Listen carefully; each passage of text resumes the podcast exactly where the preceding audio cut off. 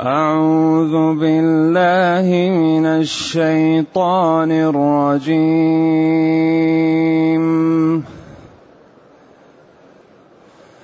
اصبر على ما يقولون واذكر عبدنا داود.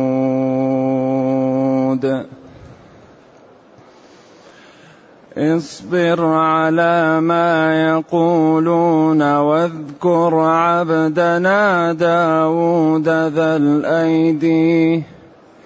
إنه أواب.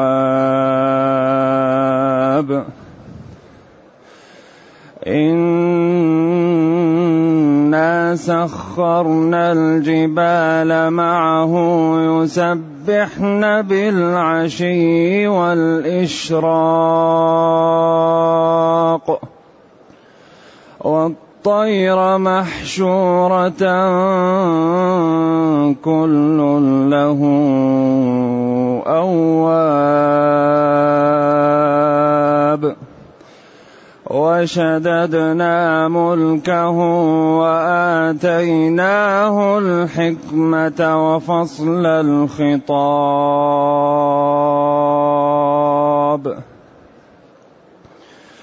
وهل أتاك نبأ الخصم إذ تسوروا المحراب؟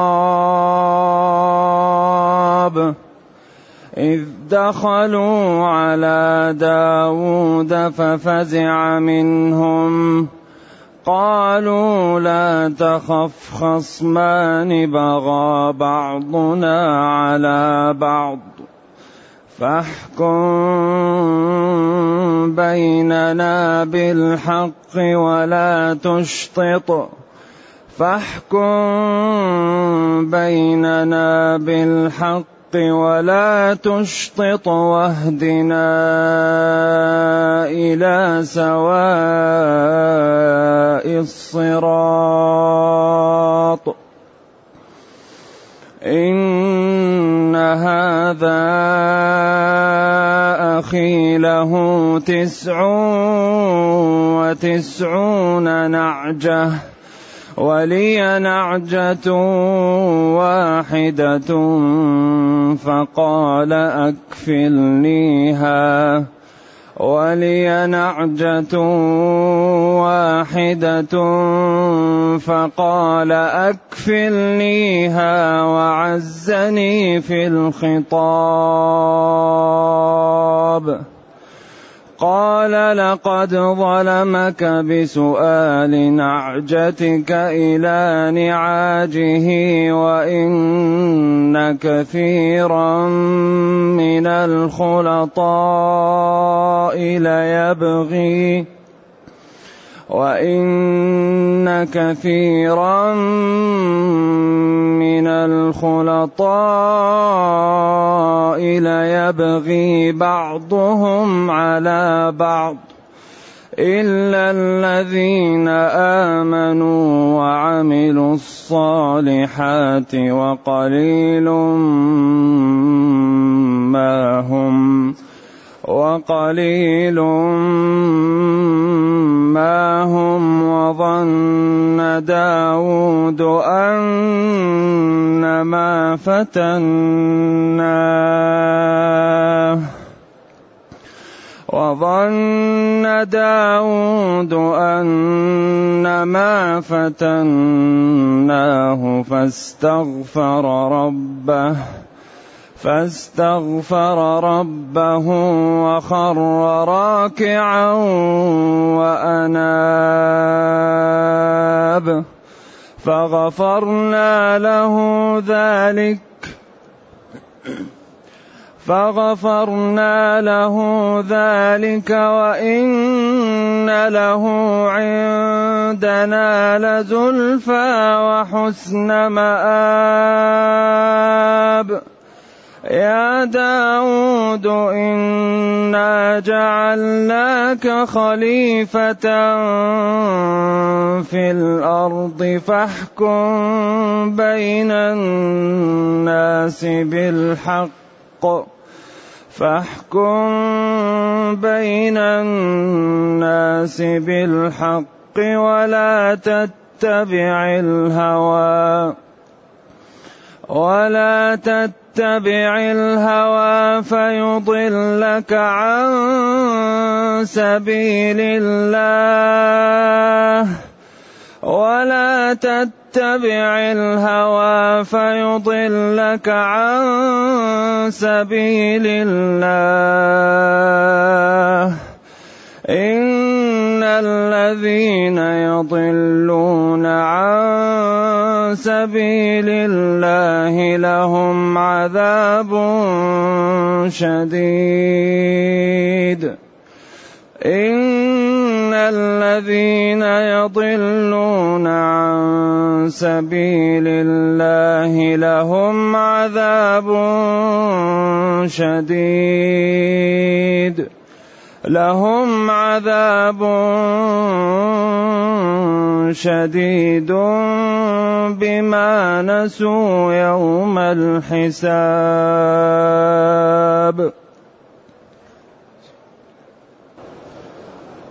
الحمد لله الذي أنزل إلينا أشمل كتاب وأرسل إلينا أفضل الرسل وجعلنا خير أمة أخرجت للناس. فله الحمد وله الشكر على هذه النعم العظيمة والآلاء الجسيمة. والصلاة والسلام على خير خلق الله وعلى آله وأصحابه ومن اهتدى بهداه. أما بعد فإن الله تعالى يقول لنبيه صلى الله عليه وسلم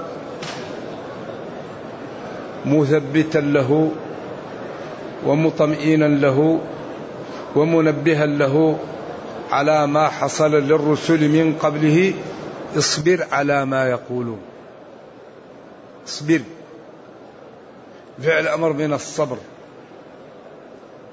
والصبر هو مفتاح الفرج. ولا يمكن للإنسان أن ينال مطالبه إلا بالصبر. والتمايز بين الناس بالصبر. الفرق بين التقي والشقي أن الفاجر لا يصبر عن أن لا ينظر. التقي يصبر يغض بصره يكف لسانه يمسك يده رجله. فالفرق بين الذي ينال الفضائل والذي لا ينال الفضائل هو الصبر. ذلك الذي لا يصبر لا يمكن أن يترقى. لأن كل موارد الرقي تحتاج إلى صبر. حجبت الجنة بالمكاره. حجبت الجنة بالمكانة نص الصحيحين عن أبي هريرة. حجبت. يعني الجنة وراها حجب من المكان بخلاف النار. وحجبت النار بالشهوات. فالذي لا يصبر ما يقدر يترك الشهوة. والذي لا يصبر ما يقدر يصبر عن عن الشهوة. لذلك التقي إذا رأى منظرا حرام غض بصره. وتذكر قوله تعالى قل للمؤمنين يغضوا من أبصارهم فانتشى. فرح أنه امتثل أمر الله تعالى. الفاجر كما قال الخبيث قلت اسمحوا لي أن أبوح بنظرة ودعوا القيامة بعد ذاك تقوم. أنا أنظر وبعدين خلي اللي يحصل يحصل. ما يستطيع الصبر. ذلك اصبر ولا تضجر من مطلب فآفة الطالب أن يضجر. ولذلك الذي يميز الصبر في المعركة الذي يصبر قليل ينتصر وينهزم الثاني. بعدين كل الدنيا مبنية على الابتلاء. فالذي لا يصبر لا ينال الفضائل أبدا. ولذلك الشاعر يقول إن السيادة في اثنتين. فلا تكن يا ابن المشايخ فيهما بالزاهد حمل المشقة واحتمال أذى الورى. حمل المشقة. مريض تعالجه. فقير تنفق عليه. جيران ما عندهم قائد تقوم عليهم. حمل المشقة واحتمال أذى الورى جار يأذيك قريب يأذيك صديق يأذيك تتحمل. إذا السيادة في اثنتين حمل المشقة واحتمال أذى الورى ليس المشمر للعلا كالقاعد. الذي يشمر للعلا ليس كالقاعد ما له شغل يبغى ينام.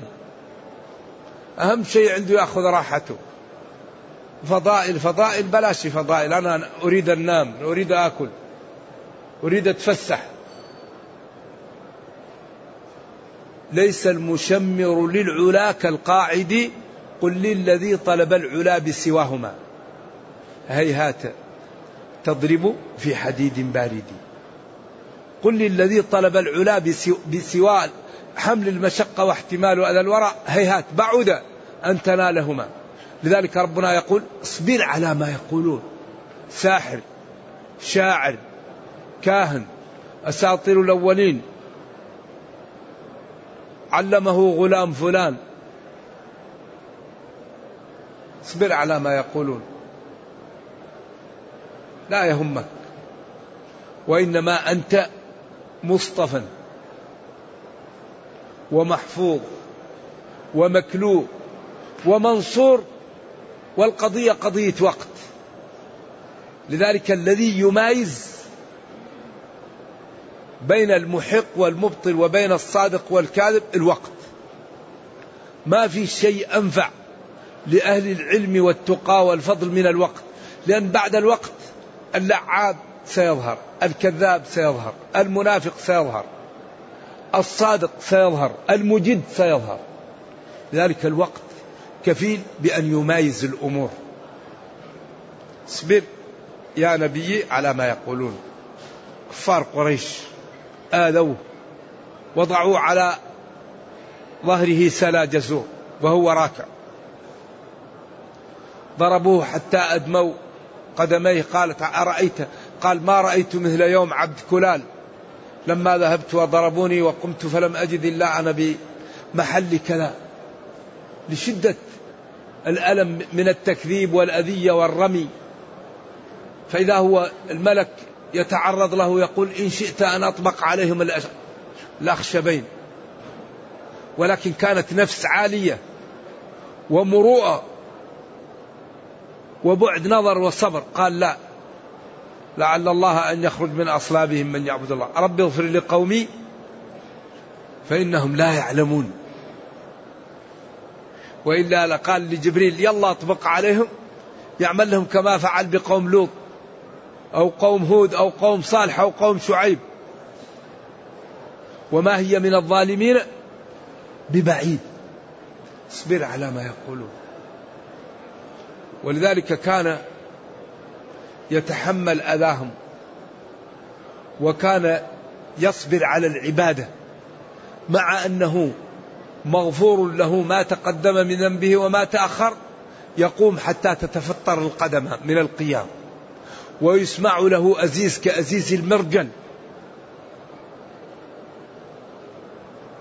وعائشة تفتقده ليلة في الغرفة وكانت ضيقة وظلام. ففي قلبها الغيرة لأن النبي صلى الله عليه وسلم محبوب ويحب. وله زوجات ينافسنها رضي الله عنها فتتلمس فإذا هو ناصب قدميه ساجد سبوح قدوس.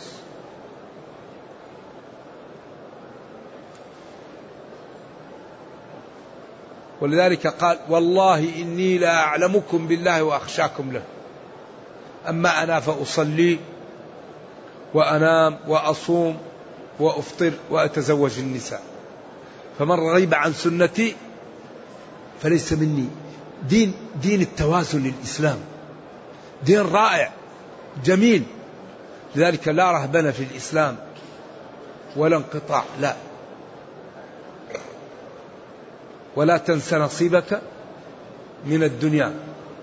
قل هي للذين آمنوا في الحياة الدنيا مع الكفار خالصة أو خالصة للمؤمنين يوم القيامة. ذلك هذا الدين. دين فيه نوع من الجمال والحسن والجلال ما الله به عليم. ولذلك لما كانت نزوة عبد الله بن عمرو بن العاص للعبادة وقال والله لا أنام الليل ولا أفطر النهار قال توني به. فلما جاءه قال أأنت الذي قلت؟ قال نعم وما أردت إلا خير. قال لا تفعل. إنك إن فعلت حصل لك وحصل. لنفسك عليك حق ولأهلك عليك حق. ولزورك عليك حق فأعط كل ذي حق حقه. دين توازن. لكن نحن نائمون. المسلمون نائمون. متى نستيقظ؟ ونأخذ الكتاب بقوة. ونظهر للناس جمال هذا الدين في حياتنا وفي سلوكنا وفي عملنا. وتمثلنا له. يقول اصبر يا نبي على ما يقولون على ما تقول كفار قريش. ساحر شاعر كهن واذكر عبدنا داود ذا الأيد ذا القوة. إنه أواب. كثير التوبة وكثير العبادة والرجوع إلى الله. إنا أعطيناه ما لم نعطي لغيره. سخرنا الجبال معه. الجبال يسبحنا والطير تسبح. إنا سخرنا هيأنا وجعلناها بطوعه. والتسخير هو التذليل والتسهيل. ولذلك هذا الكون مسخر لبني آدم. أيوة خلق لنا ما في الأرض جميعا. هو الذي خلق لكم ما في الأرض. ذللناها وهيأناها وأطعنا له يسبحنا. بالعشي والإشراق. سبحنا معه في آخر النهار. العشي بعد الظهر. والإشراق بعد طلوع الشمس حتى شرقت على الأرض وعم ضوءها ونورها. والطير محشورة مجموعة. كل واحد منها أو نوع منها له أواب له رجوع. وطاعة وامتثال على القول الراجح لأمر داود. وشددنا ملكه قويناه وعضدنا ملك داود وآتيناه الحكمة. الحكمة هي إصابة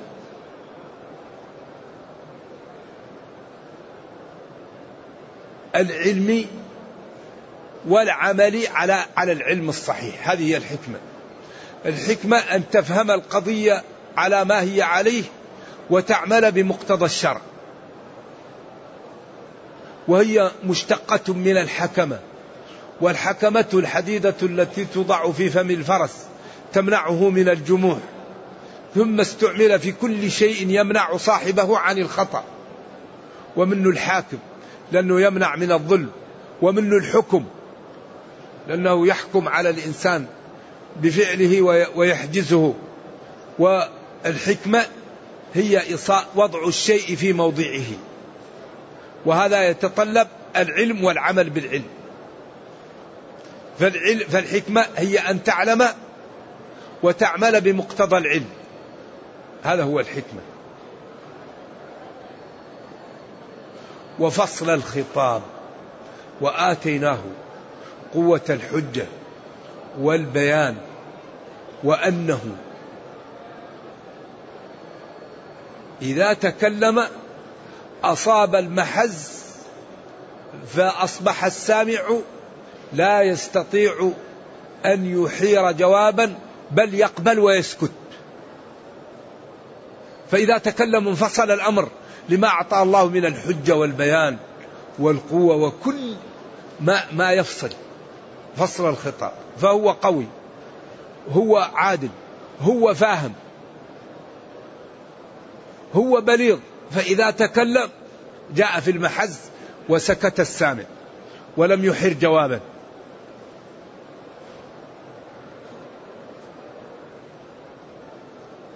وهذا تسلية لنبينا صلى الله عليه وسلم وطمأنة له وتحفيز له على أن يسير فيما أتاه الله به وأن هذه مسلك الأنبياء فالله ينصرهم وقومهم يكذبونهم ولكن الله تعالى يجعل الدائرة والغلبة على أعداء رسل الله.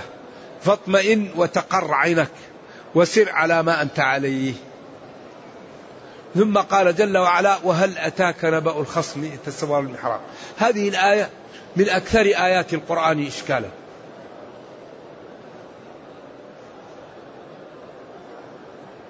وأغلب ما يقوله المفسرون فيها لا يصح.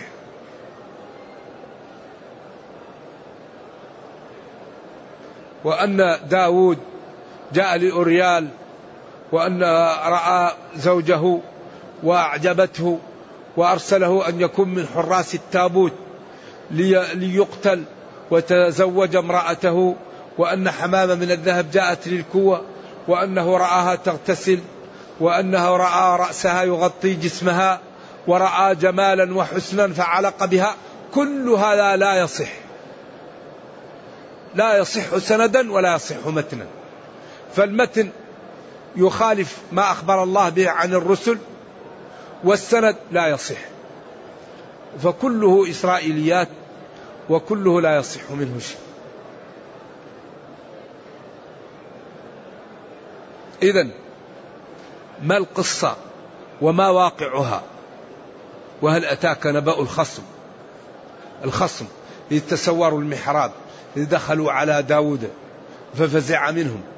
قالوا لا تخف خصمان بغى بعضنا على بعض إلى آخر القصة.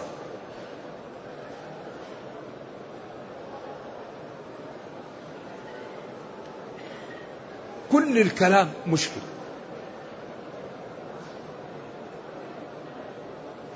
وأخف ما رأيت وأقله وأقربه إلى تنزيه الأنبياء والبعد عن الريب لهم ما ذكره السيوطي في كتاب الإكليل في استنباط التنزيل نقلا عن تقي الدين السبكي. هذا هذا كلام عجيب. قال لم أره في كتاب. ولكني لما تأملت القصة ونظرت فيها وفي الضمائر وفي الأمور تحصل عندي أن الأمر لا يخلو من واحد من ثلاثة أمور.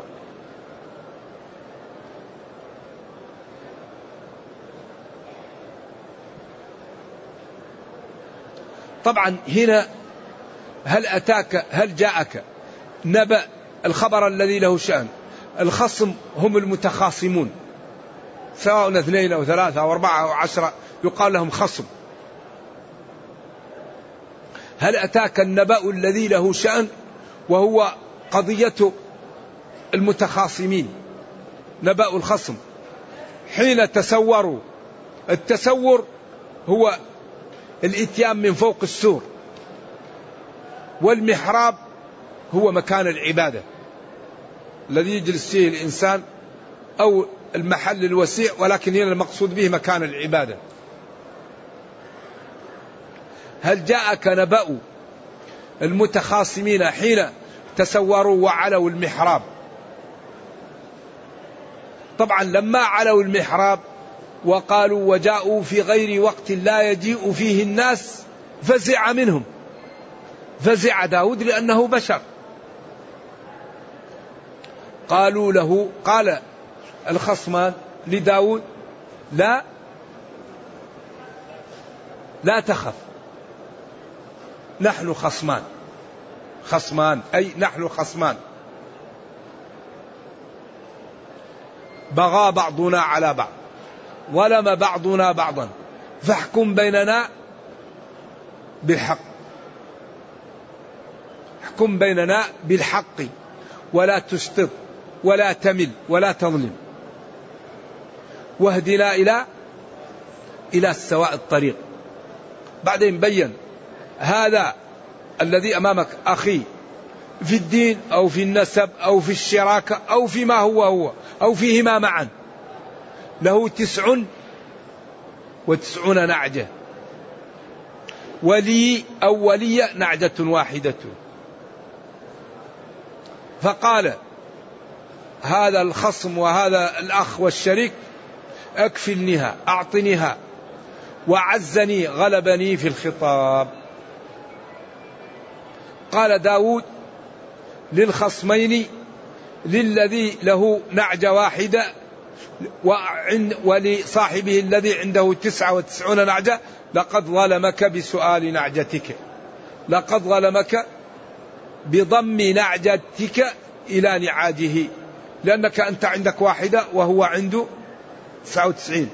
وإن كثيرا من الخلطاء الشركاء أو الخلطاء اللي بينهم شيء لا يظلم بعضهم بعضا لا يبغي بعضهم على بعض. إلا الذين آمنوا. فلا يظلمون وقليل الذين لا يظلمون. وأيقن داود عند ذلك أن ما فتناه ابتليناه فاستغفر ربه من ما حصل منه وخر راكعا وأناب لربه فغفرنا له ذلك. وإن له أي داود عندنا عند الله لزلفاء لقرب وحسن مآب حسن مرجع. هذا مجمل القصة لكن يبقى المشكل من هم الذين تسوروا المحراب؟ وما المقصود بالنعجة؟ وما هي الفتنة التي فتن فيها داود؟ هذه أمور مشاكل.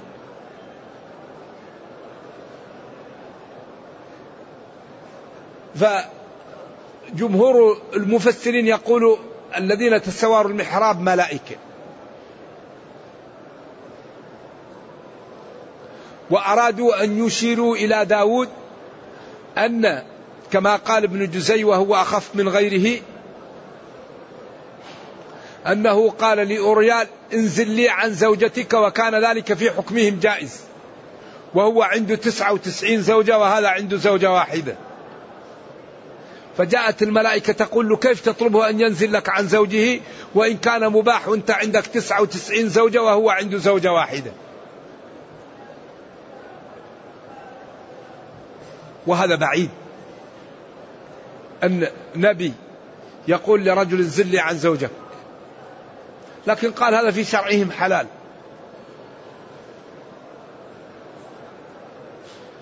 القول الذي ارتضاه السبكي ونقله السيوطي بحذافيره قال القضية ليس فيها نساء وليس فيها ملائكة وإنما هي قضية واقعة قضية عين. وأن هؤلاء داود كان يوم يعطيه للعبادة ويوم يعطيه للخصوم. وكان إذا جلس إلى الخصوم تذكر عبادته وحزين لترك العبادة.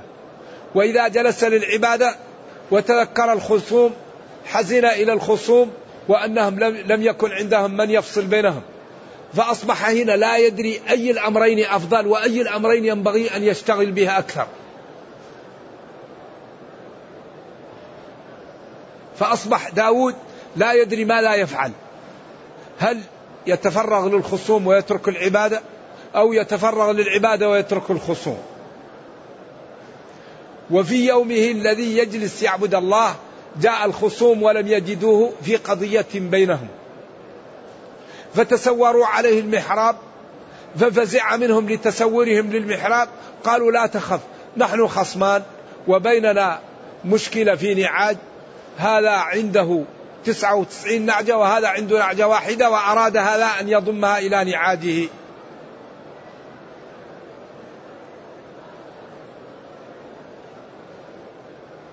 قال لقد ظلمك بسؤال نعجتك. ضم إلى نعاجه.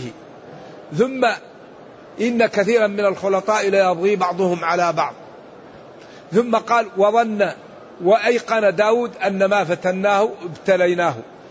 هل ابتليناه بأن يترك العبادة للخصوم أو يترك الخصوم للعبادة؟ فأيقن داود أن هذا ابتلاء من الله. فاستغفر ربه وخر راكعا وأناب. لا يخلو من واحد من ثلاثة. هل من تقديمه للعبادة أو من تقديمه للخصوم أو من اعتقاده أن ربه ابتلاه؟ أن أنه أراد ابتلاءه وأراد أن يوقعه وربه اصطفاه وأكرمه. أي الأمور حصل؟ إذا القضية لا نساء فيها ولا ملائكة وإنما هم خصوم. جاءوا في قضية بينهم وداود كان يريد أن يعطي وقتا لعبادته ويعطي وقتا للخصوم وكان يتحير. وكأن القصة بينت له أن الأولى أن يقدم الخصوم.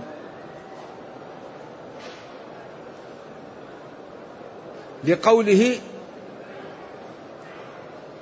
لقوله في القصة وقصة ما يشير إلى أن ينبغي للحاكم أن أن يعدل في في حكمه وأن يتفرغ للخصوم. فاحكم بيننا بالحق ولا تشطط. وهنا وقفة مع الحكام وخطورة الغش والشطط وأن من ضروريات الحاكم الحكم بين الناس وأن من أهم شيء العدل وأن الدولة الكافرة العادلة تبقى وأن الدولة المسلمة الظالمة تزول كما يقول الشيخ ابن تيمية رحمة الله علينا وعليه. ولا يوجد شيء أكثر زوال للأمم من إيش؟ من الظلم. أما ما يذكر في القصة من أنه نظر إليها وأنه أرسل زوجها وقال يكون عند كل هذا شيء يخالف النصوص ولا يصح. ولا في شيء يثبت أبدا. والحافظ بن كثير رحمة الله عليه قال وهذه السورة هذا الكلام لا نتعدى فيه النصوص وما قاله المفسرون أغلبه لا يصح والله أعلم بمراده بذلك. هذا معناه ما قال الحافظ بن كثير. قال وهذه القصة لا نتعدى فيها النصوص. وما قاله المفسرون أغلبه لا يصح ولا يليق بمكان النبوة والله أعلم بمراده بذلك. والوالد في الآية نفسه رحمة الله علينا وعليهم جميعا قال ما ذكره المفسرون في ذلك لا يصح وضرب صفح عن عن إيضاح القصة لأن قد لا يتبين له فيها شيء. وسبب الإشكال قوله الخصم وتسورهم للمحراب وأن داود فزع منهم وقولهم خصمان وبغى بعضنا على بعض وقولهم هذا أخي له تسع وتسعون نعجة هل القضية حقيقية أو على سبيل المثال وبعدين ما الذي فتن به داود؟ هذه إجمالات حاصلة في الآية هي التي سببت لها إشكالا. ولذلك ربنا يقول وما أوتيتم من العلم إلا قليلا وقلنا إن القرآن منقسم أربعة أقسام قسم تعلمه العلماء وقسم لا يعلمه إلا الله. وقسم تعلمه العرب من لغتها وقسم لا يعذر أحد بجهله به. هل هذا من ممن تعلمه العلماء أو فيه جوانب لا يعلمها إلا الله؟ لأنه أحيانا تكون الآيات فيها نوع من الإجمال وفيها نوع من الخفاء يصعب علمها إلا على من أعطاه الله العلم والتدبر وأغلب الأقوال في هذه الآية مدخولة ولا يصح. ولذلك العلماء إذا أخطأوا نترحم عليهم ونرد خطأهم. لأن في بعض الأمور لا يقبل فيها الخطأ. اتهام الأنبياء لا يجوز لأن الله فضلهم واصطفاهم وجعلهم عباد مكرمين. أيوة ولا يقرون على الباطل وإذا أخطأوا تبين لهم. اصطفاهم الله وأمر باتباعهم. فكيف الواحد منهم يغش ويفعل هذا؟ لا لا. ذلك ما يقوله عن داود وما يقوله عن سليمان وما يقوله عن نبينا صلى الله عليه وسلم وما يقوله عن نبي الله يوسف كله باطل. باطل لأن النصوص لا تصح. الم... الأسانيد لا تصح والمتون لا تقبل ذلك. ففيه عوار من جهتين. من جهة السند لا يصح ومن جهة المتن فيه علة لأنه يخالف أصول الشريعة. لذلك يوسف يقولون إنه هم بزليخة. ويقول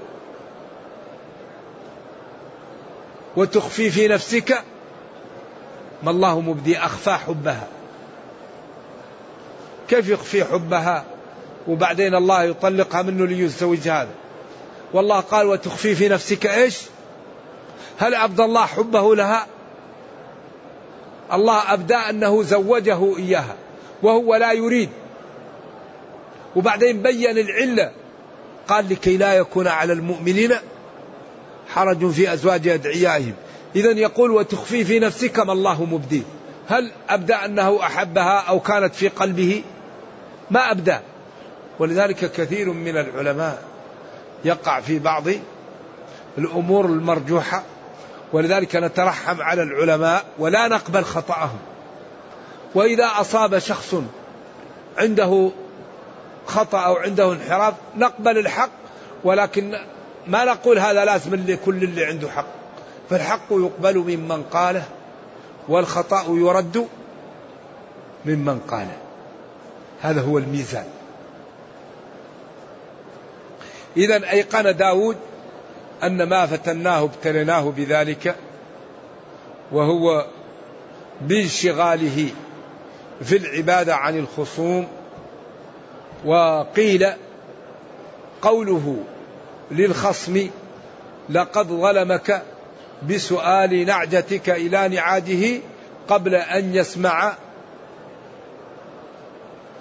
حجة الخصم. وأنه استغفر الله من حكمه لذلك قبل أن يبدي الآخر حجته. وقيل غير ذلك.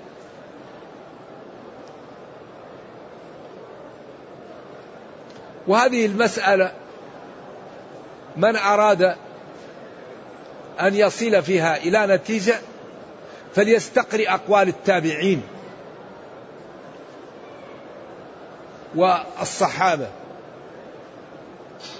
وينظر في سياق الآية وينظر في المسانيد التي تعرضت لها. ثم بعد ذلك ما أداه له بعد أقوال العلماء يعني كل مسلم له باب مفتوح وهو فهم كتاب الله. إلا فهما يعطيه الله رجلا في كتابه. لكن الذي يريد أن يستنبط يحتاط. أول شيء يعرف ماذا قبل الآية وماذا بعدها سياقها. ثانيا يعرف ماذا قال العلماء فيها. ثالث يتأمل قد يظهر له شيء يعضد بعض الأقوال أو يظهر له قول ولكن الله يمن على من يشاء من عباده.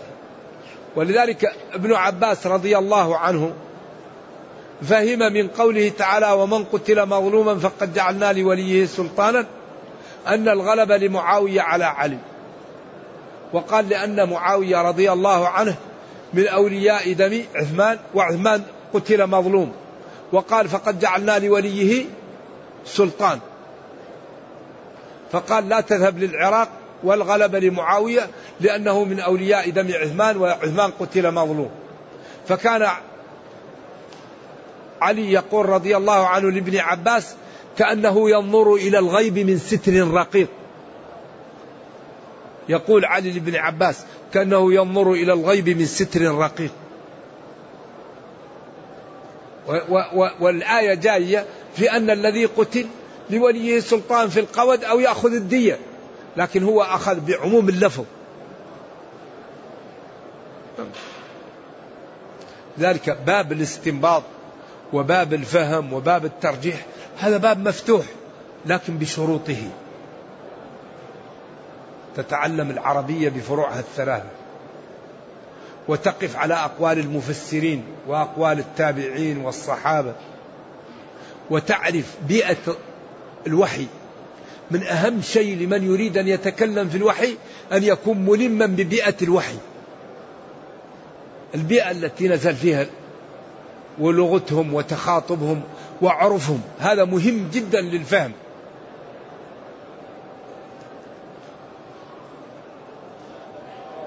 فغفرنا له ذلك الذي حصل منه. سواء كان انشغاله بماذا؟ بالعبادة عن الخصوم أو انشغاله بالخصوم عن العبادة أو بقوله لقد ظلمك قبل سماع الحجة أو بغير ذلك. وإن له وإن توكيد له لداود عندنا عند الله لزلفاء قرب. ومكانه. واحترام وحسن مآب رجوع مكانة عظيمة يوم القيامة. يا داود إنا جعلناك خليفة في الأرض. يعني لك الحكم والنبوة والقوة. فاحكم بين الناس بالحق. احكم فعل أمر للوجوب بين الناس بين الخلق.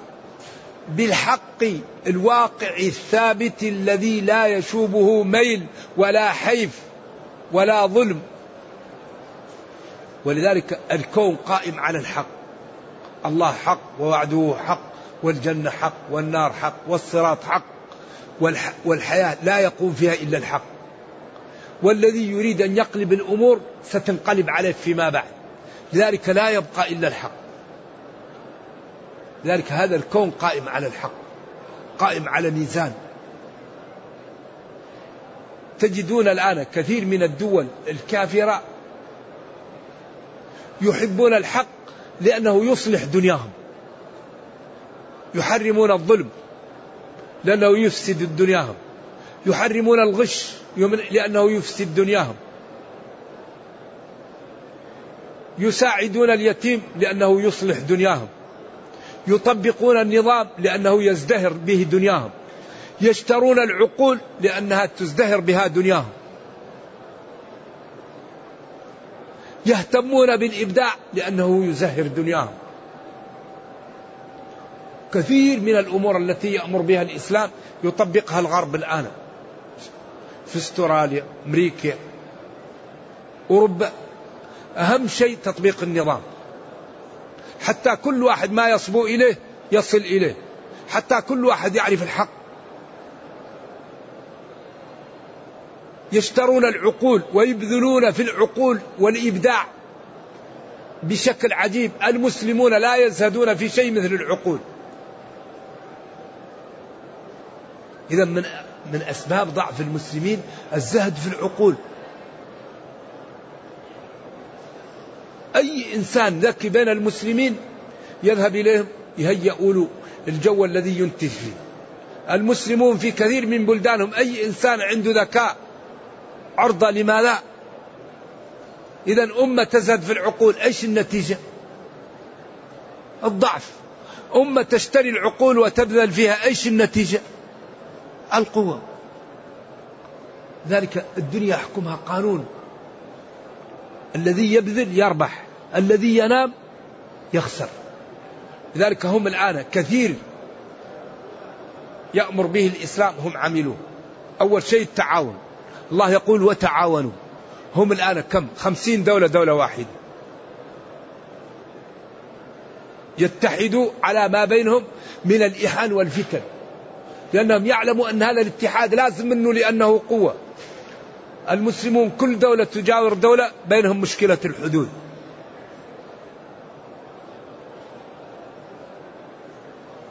الله يقول ولا تنازعوا فتفشلوا هم علموا أن التنازع يضعف اتحدوا. علموا أن شراء العقول يقوي اشتروا العقول. علموا أن تطبيق النظام يقوي طبقوا النظام. علموا أن المصانع والاهتمام بالقوة. يكون اهتموا بالمصانع واهتموا بكل شيء. إذا المسلمون ضعاف والكفار أقوياء. لماذا؟ مليار وستمائة مليون. لماذا يحجر على الأمة في المحافل الدولية؟ لأننا لم نقم بالأسباب. كل شيء له ثمن. أوفوا بعهدي. أوفي بعهدي. إن الله اشترى اشترى. فاستبشروا ببيعكم. أما نحن نريد الثمن والمذمون ما حصل هذا. الذي يريد العزة لا بد أن يدفع لينال العزة. الذي يريد العلم لا بد أن يدرس. الذي يريد التقى لا بد أن يغض طرفه عن الحرام. لا بد أن يكف لسانه عن الحرام سمعه عن الحرام. بعدين يقوى الإيمان. بعدين يكون من, من عباد الله المتقي إذا كل شيء له ثمن. أما يكون عرفنا نريد الثمن والمذمون لا. من يريد القوة يعمل. من يريد العلم يتعلم. من يريد الغناء يشتغل. من يريد التقى و و والمحبة لله يتقي الله ويطيعه. كل شيء له ثمن. ونحن الآن أهم ما نحتاج إليه أن نهتم بمراكز قوية تقوي العلاقة بين ثلاثة شرائح من الأمة. في ثلاثة شرائح من الأمة. لا بد أن يكون بينهم علاقة قوية وود وتحابب بعدين ترتفع الأمة وتقوى. لأن هذه الشرائح إذا تفاهمت وأصبحت بينها ألفة بإذن الله تعالى ترقى الأمة وتقوى. شريحة العلماء وشريحة التجار وشريحة الحكام. هذه الشرائح لا بد أن يكون بينها تآلف. فإذا كان بينها تآلف العالم أعطى للتاجر الحكم والحاكم أعطى للتاجر الصلاحية فعمل التاجر بصلاحية التي أعطاها الحاكم بالعلم الذي أعطاه العالم فازدهرت الأمة وابتعدت عن الأخطاء واختصرت الطريق فأصبحت أقوى أمة. وأكبر ما يقوض الأمة ضعف العلاقة بين الشرائح. هذا الذي يدمر. ولذلك قال جل وعلا ولا تنازعوا فتفشل ونحن عندنا كنز. كل شيء نحتاجه موجود فيه. فلذلك لا بد لنا من مراكز عملاقة للاستفادة من القرآن. مراكز. كيف نفعل القرآن. إن هذا القرآن يهدي للتي هي أقوم. أي للطريقة التي هي أقوم. أفلا يتدبرون القرآن أم على قلوب أقفالها؟ وأنزلنا إليكم نورا مبينا. فاحكم بين الناس بالحق. ولذلك الحكم لا يكون إلا لله. كما أن العبادة لا تكون إلا لله. والذي يحكم القوانين الوضعية ويرى أنها هي التي تصلح للمجتمعات وأن حكم الله عاجز عن أن يصلح الناس هذا كافر بالإجماع. لا خلاف في كفره أما الذي يحكم بالقوانين الوضعية يعلم أنها قاصرة وأن الحكم لا يبغي ولا يجب أن يكون إلا لله وأن هذا أمر لا يجوز فأمره أخف. وإن كان على خطر. ولذلك قال ولا يشرك في حكمه أحدا. وقال جل وعلا وأن احكم بينهم بما أنزل الله. وقال جل وعلا ألم تر إلى الذين يزعمون أنهم آمنوا بما أنزل إليك وما أنزل من قبلك يريدون أن يتحاكموا إلى الطاغوت. أرادوا أن يتحاكموا إلى الطاغوت قال يزعمون أنهم آمنوا. فلذلك وأحكام القوانين الوضعية جائرة لأن أصحابها قاصرون. والذي يصلح البشر حكم خالق البشر لأنه هو الذي يعلم ما يصلح البشر وما ينفعهم وما يضرهم. فأحكامه هي التي تزدهر بها البشرية وهي التي تنفعها. أما القوانين الوضعية فهي جائرة وعاجزة. والذي بيده القلم لا يكتب نفسه تقيا. الذي يعمل القانون يجعل فيه حق له. كما فعلوا حق الفيتو ينبغي أن يكون للضعاف ما يكون للأقوياء. لأن الضعيف هو الذي يحتاج. أما القوي عنده قوة يدفع عن نفسه. لكن هذه قوانين وضعية جائرة مبنية على الظلم. لذلك ديننا دين كامل. لذلك هل يصلح أن تكون أمة الإسلام في الخالف؟ لا ينبغي. ولكن السبب عدم قيامنا بالأسباب. إن الله لا يغير ما بقوم حتى يغيروا ما بأنفسهم ولا تتبع الهوى فيضلك عن سبيل الله. إنك إن اتبعت الهوى أضلك. الهوى هو ميل النفس. وأكثر ما يضل الناس الهوى. قال تعالى إن النفس لأمارة بالسوء. وقال ابن دريد في المقصورة وآفة العقل الهوى. وآفة العقل الهوى. فمن على على هواه عقله فقد نجا. من جعل عقله فوق هواه نجا. أما من جعل هواه فوق عقله هلك.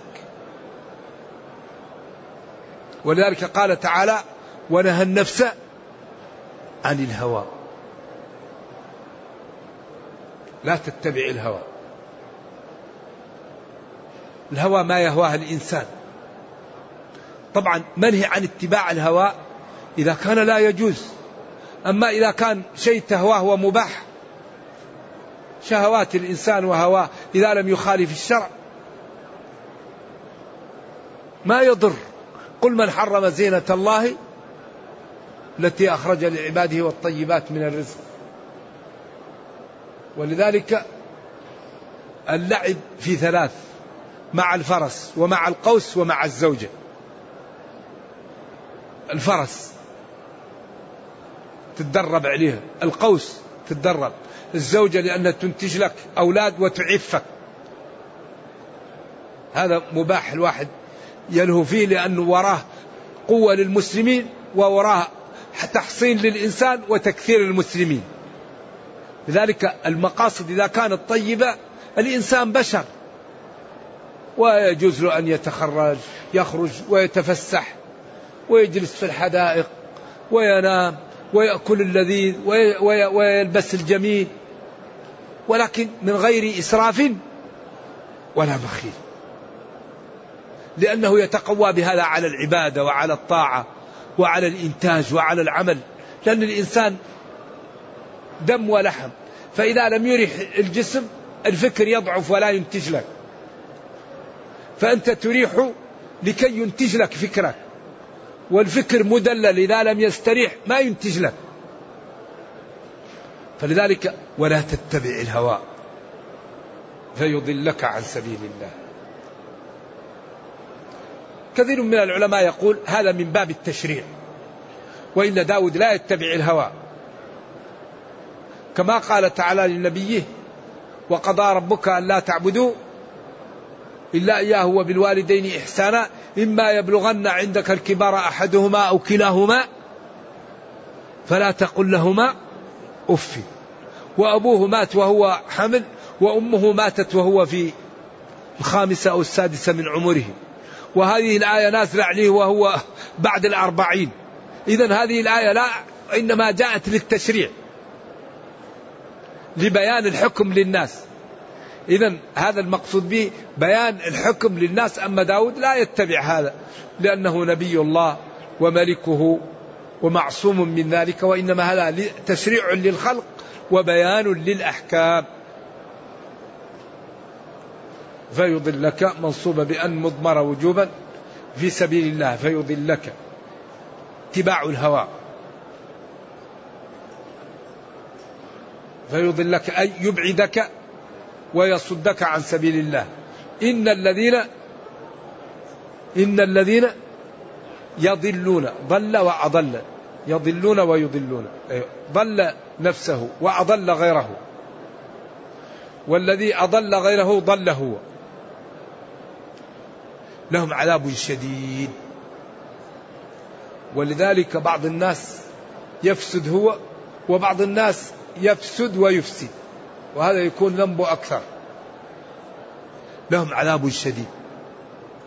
الذين يضلون ويبتعدون عن طاعة الله لهم يوم القيامة عذاب شديد. بسبب تركهم يوم القيامة وعدم الحساب له وعدم الانتباه. ولذلك يكثر القرآن من التخويف من يوم القيامة. لأنه يوم يجعل الولدان شيبا يوم يفر المرء من أخيه. يوم لا تجزي نفس عن نفس شيئا شيئا. يوم كان مقداره خمسين ألف سنة. ولذا هذا اليوم خطير. لهم عذاب شديد بسبب تركهم بما نسوا يوم الحساب. نسوا تركوا. يوم الحساب يوم القيامة. وهو يوم الجزاء. وهو اليوم الذي كل إنسان يوفى حسابه كاملا. والحقيقة أن ديننا دين كامل.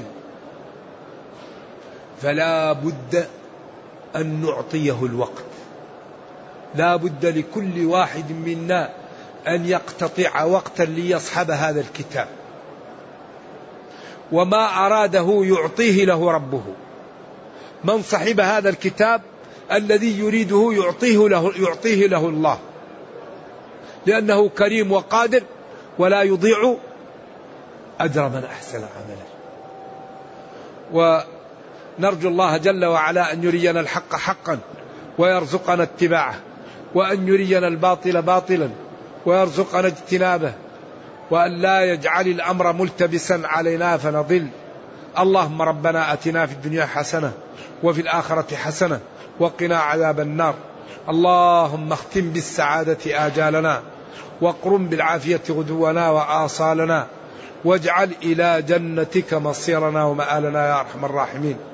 اللهم إنا نسألك الجنة وما قرب إليها من قول وعمل ونعوذ بك من النار وما قرب إليها من قول وعمل.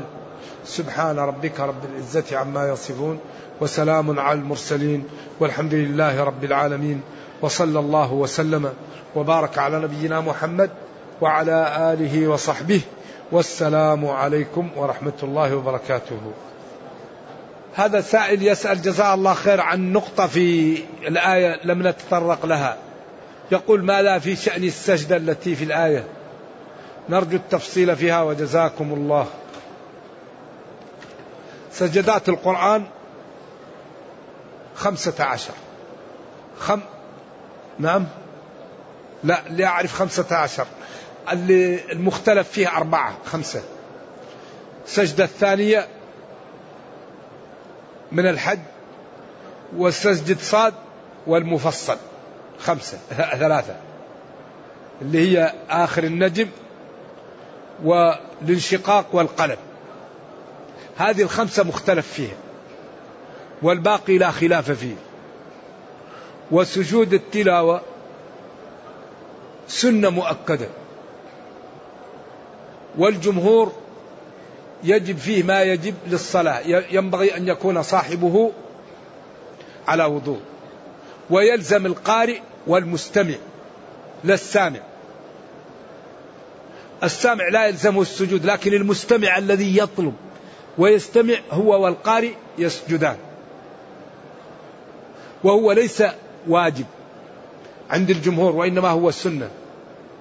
وورد في الأثر أن رجلا كان يقرأ ولم يسجد فسجدت شجرة وقالت اللهم ارفع لي بها درجة وحط بها عني خطيئة واجعلها لي عندك ذخرى وتقبلها مني كما تقبلتها من عبدك داود عليه السلام. فأحكاها الصحابي للنبي صلى الله عليه وسلم وسمع الصحابي النبي صلى الله عليه وسلم يذكرها والحديث فيه ما فيه.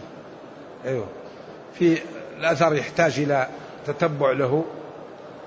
لا أذكر درجته الآن. وبقية السجدات من عزائم السجود واختلفوا في صاد. فلأحمد روايتان. رواية أنها ليست من عزائم السجود ورواية أنها من عزائم السجود. والشافعي يراها ليست من عزائم السجود. وأبو حنيفة ومالك يروها إيش؟ تسجد. نعم. وثانية الحج وصاد والنجم والانشقاق والقلم. هذه فيها خلاف. والصحيح أن آه، أبا هريرة هو الذي روى سجود التلاوة في المفصل أسلم سنة سبع.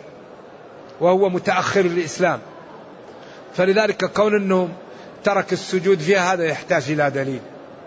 نعم ما أدلة المالكية فيها أقوى منها أدلة الجمهور في هذا. والله أعلم. نعم جزاك الله خير.